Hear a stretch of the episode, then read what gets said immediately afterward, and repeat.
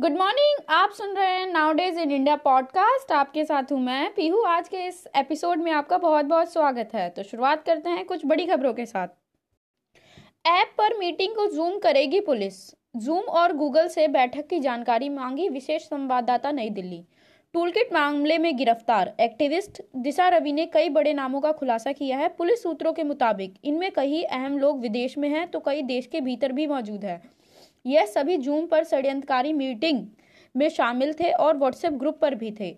और पुलिस ने zoom meeting में शामिल होने वालों की पूरी डिटेल मांगी है। गूगल से भी कई सूचनाएँ मांगी गई हैं। टूलकिट साजिश में मंगलवार को एक नाम, अनीता लाला का भी सामने आया है। सूत्रों के मुताबिक खालिस्तानी समर्थक एमओ धालीवाल की करीबी कनाडा में रहने वाली अनीता टूलकिट मामले में अहम कड़ी है। वह वर्ल्ड सिख ऑर्गेनाइजेशन की फाउंडर भी हैं और जस्टिस फाउंडेशन की को फाउंडर है। टूलकिट तैयार करने में वह भी शामिल थी। सूत्रों का दावा है कि जूम मीटिंग में शामिल होने वाले कई लोगों ने अपनी पहचान छुपाई हुई थी। यह लोग फर्जी आईडी बनाकर शामिल हुए थे। उधर दिशा की गलत गिरफ्तारी के आरोप पर दिल्ली पुलिस कमिश्नर ने कहा है कि गिरफ्तारी कानून के तहत हुई है। कानून के लिए सबके लिए बराबर है, चाहे जो 22 साल का हो या चाहे 50 साल का हो। कू को बढ़ावा देगी केंद्र सरकार। केंद्र सरकार की योजना है कि जानकारी साझा करने के लिए तमाम मंत्रालय, मंत्री और अधिकारी ट्विटर से पहले देसी प्लेटफॉर्म कू का इस्तेमाल करें। सभी तरह के अहम अपडेट और घोषणाएँ पहले क्रू पर आएँगी और उसके एक से तीन घंटे के अंतराल ट्विटर पर यह खबरें साझा की जाएँगी। एक करोड़ बीस लाख की चरस के साथ दो नेपाली नागरिक गिरफ़्तार। विशेष संवाददाता नई दिल्ली। साउथ दिल्ली पुलिस ने नेपाल के रहने वाले दो नागरिकों को गिरफ़्तार कर उनके पास 16 किलो से अधिक चरस बरामद की है। पुलिस ने जब्त चरस की इंटरनेशनल कीमत एक करोड़ बीस लाख रुपए बताई है। डीसीपी अतुल ठाकुर ने बताया, आरोपियों में वरुण कुमार और एस लामा है। दोनों नेपाल के ही रहने वाले हैं। इनमें से पहले सोमवार को सब्ज़ी मंडी सेवा नगर के पास से वरुण कुमार को पकड़ा गया। इसकी निशानदेही पर मंगलवार को एस लामा को पकड़ा गया। दोनों के पास चरस बरामद की गई। दोनों इससे पहले 2018 में भी यहाँ आ चुके थे। दोनों आरोपी जल्दी अमीर बनने के लिए इस ड्रग्स की दुनिया में उतर गए। पुलिस ने मामले में बताया कि वह यह पता लगाने की कोशिश कर रही है कि कोटला, मुबारकपुर और मालवीय नगर समेत कई अन्य इलाकों में बेची जाने वाली इस चरस की मुख्य मुख्य ग्राहक कौन कौन थे? देह व्यापार कराने का आरोप लगा। महिला से मांगे रुपए दो लाख। विशेष संवाददाता नेताजी सुभाष पैलेस। नेताजी सुभाष पैलेस इलाके में एक प्रॉपर्टी डीलर के घर में घुसकर उनकी पत्नी को ब्लैकमेल करने का मामला सामने आया है। आरोप है कि तीन युवक रात को घर आए और खुद को क्राइम एनजीओ से जुड़ा पत्रकार बताया। तीनों ने घर में जिस्म पड़ोसी के धंधे का आरोप लगाते हुए महिला को केस में फंसाने की धमकी दी और केस रफा दफ़ा करने के लिए रुपए दो लाख की डिमांड करी। बाद में रकम लेने आए एक आरोपी को दंपति ने पकड़ लिया और पुलिस के हवाले कर दिया। पुलिस उसके बाकी साथियों की तलाश कर रही है। देह व्यापार कराने का आरोप लगा महिला से मांगे रुपए दो लाख। विशेष संवाददाता नेताजी सुभाष पैलेस। नेताजी सुभाष पैलेस इलाके में एक प्रॉपर्टी डीलर के घर में घुसकर उनकी पत्नी को ब्लैकमेल करने का मामला सामने आया है। आरोप है कि तीन युवक रात को घर आए और खुद को क्राइम एनजीओ से जुड़ा पत्रकार बताया। तीनों ने घर में जिस्म पड़ोसी के धंधे का आरोप लगाते हुए महिला को केस में फंसाने की धमकी दी और केस रफा दफ़ा करने के लिए रुपए दो लाख की डिमांड करी। बाद में रकम लेने आए एक आरोपी को दंपति ने पकड़ लिया और पुलिस के हवाले कर दिया। पुलिस उसके बाकी साथियों की तलाश कर रही है। लूटपाट के आरोप में दो धेरे गए। विशेष संवाददाता द्वारका। द्वारका साउथ थाना पुलिस ने लूटपाट के एक मामले में सुलझाते हुए दीपक और अभिषेक नाम के दो लुटेरों को गिरफ़्तार किया। ये दोनों यूपी और हरियाणा के रहने वाले हैं। इनके पास से पुलिस टीम ने लूटा हुआ स्कूटर भी बरामद किया है। द्वारका डीसीपी संतोष कुमार मीणा के अनुसार द्वारका साउथ थाने में सूरज वर्मा नाम के एक व्यक्ति ने शिकायत दर्ज कराई थी कि उनका द्वारका साउथ थाना इलाके में दो लिटोरों ने उनका स्कूटर चोरी कर लिया है। मोबाइल और पचासी हज़ार कैश भी लूट लिया है। पीड़ित की शिकायत पर कार्रवाई करते हुए द्वारका डीसीपी सतीश कुमार की देखरेख में द्वारका साउथ एसएचओ राकेश कुमार डाडवाल की टीम ने टेक्निकल सर्विलेंस और लोकल इंटेलिजेंसी की मदद से आरोपी दीपक और अभिषेक को उत्तर प्रदेश बड़ौद से गिरफ़्तार कर लूटे हुए स्कूटर को भी बरामद कर लिया। एमपी में 22 फीट गहरी नगर में समा गई बस 47 जाने भी गई। विशेष संवाददाता एमपी। एमपी के सीधी ज़िले में मंगलवार सुबह 54 यात्रियों से भरी प्राइवेट बस 22 फीट गहरी बाण सागर के नहर में गिर गई। हादसे में 47 लोगों की जान गई। राहत देने वाले लोगों ने सात लोगों को बचाया। नहर से तैरकर बाहर आया ड्राइवर हिरासत में है। मजिस्ट्रेट जाँच के आदेश दिए गए हैं। बताते हैं, बस सीधी से सतना जा रही थी। मरने वालों में एक बच्चा, ट्वेंटी महिलाएँ और ट्वेंटी फोर पुरुष हैं। इनमें से ट्वेल्व रेलवे की परीक्षा देने जा रहे थे। पुलिस ने बताया, थर्टी टू सवारी की जगह फिफ्टी फोर लोग बैठे थे। जाम की वजह से ड्राइवर ने रूट बदला और बस को नहर के संकरे रास्ते पर लाया। तभी एक गाड़ी को साइड देने में कंट्रोल खोया और बस नहर में जा गिरी। मेट्रो में मोबाइल चुराने वाला व्यक्ति रंगे हाथों पकड़ा गया। विशेष संवाददाता यमुना डिपो। मेट्रो में सफ़र करने वाले यात्रियों का मोबाइल चुराने के आरोप में मेट्रो पुलिस ने एक युवक को गिरफ़्तार किया है। उनकी पहचान सुंदर नगरी में रहने वाले जावेद उर्फ़ अरहान, उम्र 24 के रूप में हुई है। उनके पास से चोरी का एक मोबाइल फ़ोन भी बरामद हुआ है। पूछताछ में पता चला है कि उनके खिलाफ चोरी, लूटपाट, स्नैचिंग के छह केस पहले से ही दर्ज है। वह शराब व नशे के आदि हैं। इसी लत के चलते अपराध की दुनिया में सक्रिय हो गए हैं। कीमतें बढ़ने से पहले बुक कराया था सिलेंडर, फिर भी देने पड़े दाम ज़्यादा। लोगों ने गैस एजेंसियों पर लगाया मनमानी का आरोप, पाइपलाइन बिछाने की मांग की।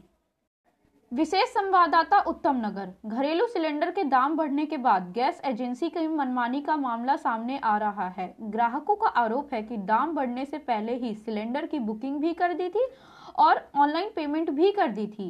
इसके बाद भी सिलेंडर की डिलीवरी के समय ग्राहकों को बढ़े हुए सिलेंडर के दाम के अनुसार पचास रुपए का मेमो दे दिया गया। बता दें कि 15 फरवरी की आधी रात को 12 बजे के बाद घरेलू गैस सिलेंडर एलपीजी के दाम में पचास रुपए की बढ़ोतरी की गई थी। रुक करते हैं दिल्ली को गर्वित कर देने वाली खबरों की तरफ़। कोविड मैनेजमेंट में दिल्ली सरकार ने मिसाल स्थापित की। दिल्ली सरकार द्वारा कई सराहनीय पहल और कदमों ने राजधानी में कोरोना के खिलाफ लड़ाई को निश्चित तौर पर आसान बना दिया। समूचे इतिहास में अच्छे शासन और अच्छी सरकारों के कई उदाहरण मिल जाएँगे। हमें पर ऐसे शासन और सरकारों की भी कई मुश्किलों का सामना करना पड़ा था। इनकी कुशलता और क्षमता में सबसे बड़ा इम्तहान उस समय आता है जब इनके देश में किसी बड़ी विपदा का सामना करना होता है। यकीनन, मौजूदा समय में पूरी मानव जाति के लिए कोरोना वायरस सबसे बड़ी चुनौती बन के उभरा है और इससे पूरा विश्व प्रभावित हुआ है। पूरी दुनिया में कुछ ऐसी ही सरकारें हैं जिन्होंने इस अभूतपूर्व विपदा का कुशलता, धीरज और ईमानदारी से सामना किया है। दिल्ली में अब कोरोना का प्रभाव कम होते जा रहा है। इस विपदा का कुशलता के साथ के साथ सामना करने के लिए पूरी दुनिया में भारत की तारीफ़ हो रही है और पूरे देश में इस संयुक्त प्रयास में दिल्ली सरकार का योगदान भुलाया नहीं जा सकता है। दिल्ली सरकार ने पूरी हिम्मत और कुशलता के साथ कोरोना संक्रमण, प्रवासी, मजदूर, भूख, बेरोजगारी, शिक्षा से जुड़ी सभी चुनौतियों का सामना किया है। दिल्ली में देश ने सबसे ज़्यादा कोविड टेस्टिंग की है। दिल्ली में एक करोड़ से भी अधिक टेस्ट किए जा चुके हैं। दुनिया के सौ सर्वश्रेष्ठ शहरों में शामिल होने वाला देश का एकमात्र शहर बना दिल्ली। इलेक्ट्रिक व्हीकल्स को बढ़ावा देने के लिए स्विच दिल्ली अभियान हुआ लॉन्च। इलेक्ट्रिकल व्हीकल नीति को जारी करने वाले दिल्ली सरकार देश की पहली राज्य सरकारों में से एक है। मुख्यमंत्री अरविंद केजरीवाल के नेतृत्व में दिल्ली सरकार राष्ट्रीय राजधानी दिल्ली को देश की इलेक्ट्रिक व्हीकल्स की राजधानी बनाने की तरफ़ अग्रसर है। दिल्ली सरकार का उद्देश्य हो रहा है दिल्ली के हर इलाके को जोड़ा जाए और इको फ्रेंडली परिवहन सिस्टम लाया जाए। इस उद्देश्य से पूरा करने के लिए दिल्ली सरकार पहली सरकार बनी है, जिन्होंने एक महत्वाकांक्षी इलेक्ट्रिक व्हीकल पॉलिसी बनाई है और फिर अगस्त 2020 में सरकार को इस बारे में नोटिफाई किया। दिल्ली सरकार ने दिल्ली से इलेक्ट्रिकल व्हीकल पॉलिसी को लॉन्च किया। जिसके अंतर्गत दिल्ली सरकार ने रजिस्ट्रेशन फ़ी, रोड टैक्स माफ़ कर रही है और साथ ही नई इलेक्ट्रिक गाड़ियाँ खरीदने पर उपभोक्ता को डेढ़ लाख का इंसेंटिव भी दे रही है। इस पॉलिसी के ज़रिए दिल्ली सरकार में रोज़गार को भी बढ़ावा देगी, जिससे कि दिल्ली की अर्थव्यवस्था भी बेहतर होगी और साथ ही राष्ट्रीय राजधानी में प्रदूषण भी कम होगा। दिल्ली के मुख्यमंत्री अरविंद केजरीवाल ने सभी डिलीवरी चेन्स, बड़ी कंपनियों, resident welfare association, market association mall, cinema hall से इलेक्ट्रिक व्हीकल्स प्रमोट करने के लिए अपने परिसर में चार्जिंग स्टेशन लगाने के लिए कहा है। स्विच दिल्ली अभियान में लोगों को जागरूक किया जाएगा। इलेक्ट्रिक व्हीकल्स के फ़ायदे के बारे में उन्हें कैसे और देश को स्वच्छ और प्रदूषण रहित बनाए में अपना योगदान दे सकते हैं, यह बताया जाएगा। इलेक्ट्रिक व्हीकल्स को बढ़ावा देने के लिए स्विच दिल्ली अभियान हुआ लॉन्च। इलेक्ट्रिकल व्हीकल नीति को जारी करने वाले दिल्ली सरकार देश की पहली राज्य सरकारों में से एक है। मुख्यमंत्री अरविंद केजरीवाल के नेतृत्व में दिल्ली सरकार राष्ट्रीय राजधानी दिल्ली को देश की इलेक्ट्रिक व्हीकल्स की राजधानी बनाने की तरफ़ अग्रसर है। दिल्ली सरकार का उद्देश्य हो रहा है दिल्ली के हर इलाके को जोड़ा जाए और इको फ्रेंडली परिवहन सिस्टम लाया जाए। इस उद्देश्य से पूरा करने के लिए दिल्ली सरकार पहली सरकार बनी है, जिन्होंने एक महत्वाकांक्षी इलेक्ट्रिक व्हीकल पॉलिसी बनाई है और फिर अगस्त 2020 में सरकार को इस बारे में नोटिफाई किया। दिल्ली सरकार ने दिल्ली से इलेक्ट्रिकल व्हीकल पॉलिसी को लॉन्च किया, जिसके अंतर्गत दिल्ली सरकार ने रजिस्ट्रेशन फ़ी रोड टैक्स माफ़ कर रही है और साथ ही नई इलेक्ट्रिक गाड़ियाँ खरीदने पर उपभोक्ता को डेढ़ लाख का इंसेंटिव भी दे रही है।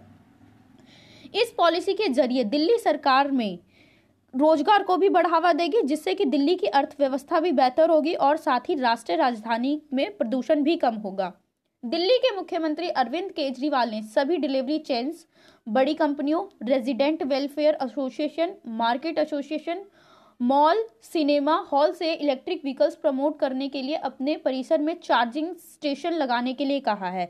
स्विच दिल्ली अभियान में लोगों को जागरूक किया जाएगा। इलेक्ट्रिक व्हीकल्स के फ़ायदे के बारे में उन्हें कैसे और देश को स्वच्छ और प्रदूषण रहित बनाए में अपना योगदान दे सकते हैं, यह बताया जाएगा। मुख्यमंत्री अरविंद केजरीवाल के नेतृत्व में दिल्ली 2021 की दुनिया में सर्वश्रेष्ठ शहरों की लिस्ट में शामिल हुआ है और देश का इकलौता ऐसा शहर है जो दुनिया के 100 सबसे सर्वश्रेष्ठ शहरों में की लिस्ट में भी शामिल हुआ है।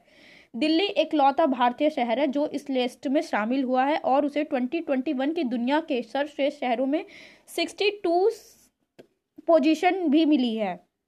मुख्यमंत्री अरविंद केजरीवाल के कुशल नेतृत्व में दिल्ली ने 2021 के दुनिया का सर्वश्रेष्ठ शहर सूची में शामिल होकर राजधानी में रह रह रहे दो करोड़ लोगों को गौरवान्वित किया है। दिल्ली दुनिया भर के सौ सर्वश्रेष्ठ शहरों में रैंक प्राप्त करने वाला एकमात्र भारतीय शहर है। देश की राजधानी दिल्ली 2021 के दुनिया के सर्वश्रेष्ठ शहरों की सूची में 62 स्थान पर है।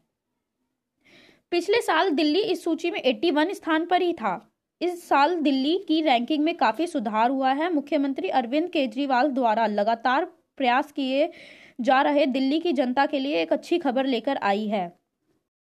दिल्ली के अलावा जो अन्य शहर इस लिस्ट में शामिल है, वह San Francisco, Amsterdam, Rome, Washington DC, Abu Dhabi, Saint Petersburg, Toronto Prayag आदि है।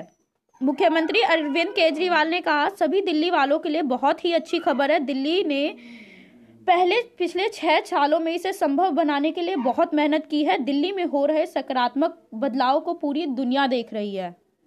फ्लाईओवर्स बनवाने में दिल्ली सरकार ने बचाए करोड़ों रुपए। मुख्यमंत्री अरविंद केजरीवाल के नेतृत्व में दिल्ली सरकार ने अपनी विभिन्न परियोजनाओं के समय से पूर्व पूरा कर करोड़ों रुपए बचा रही है।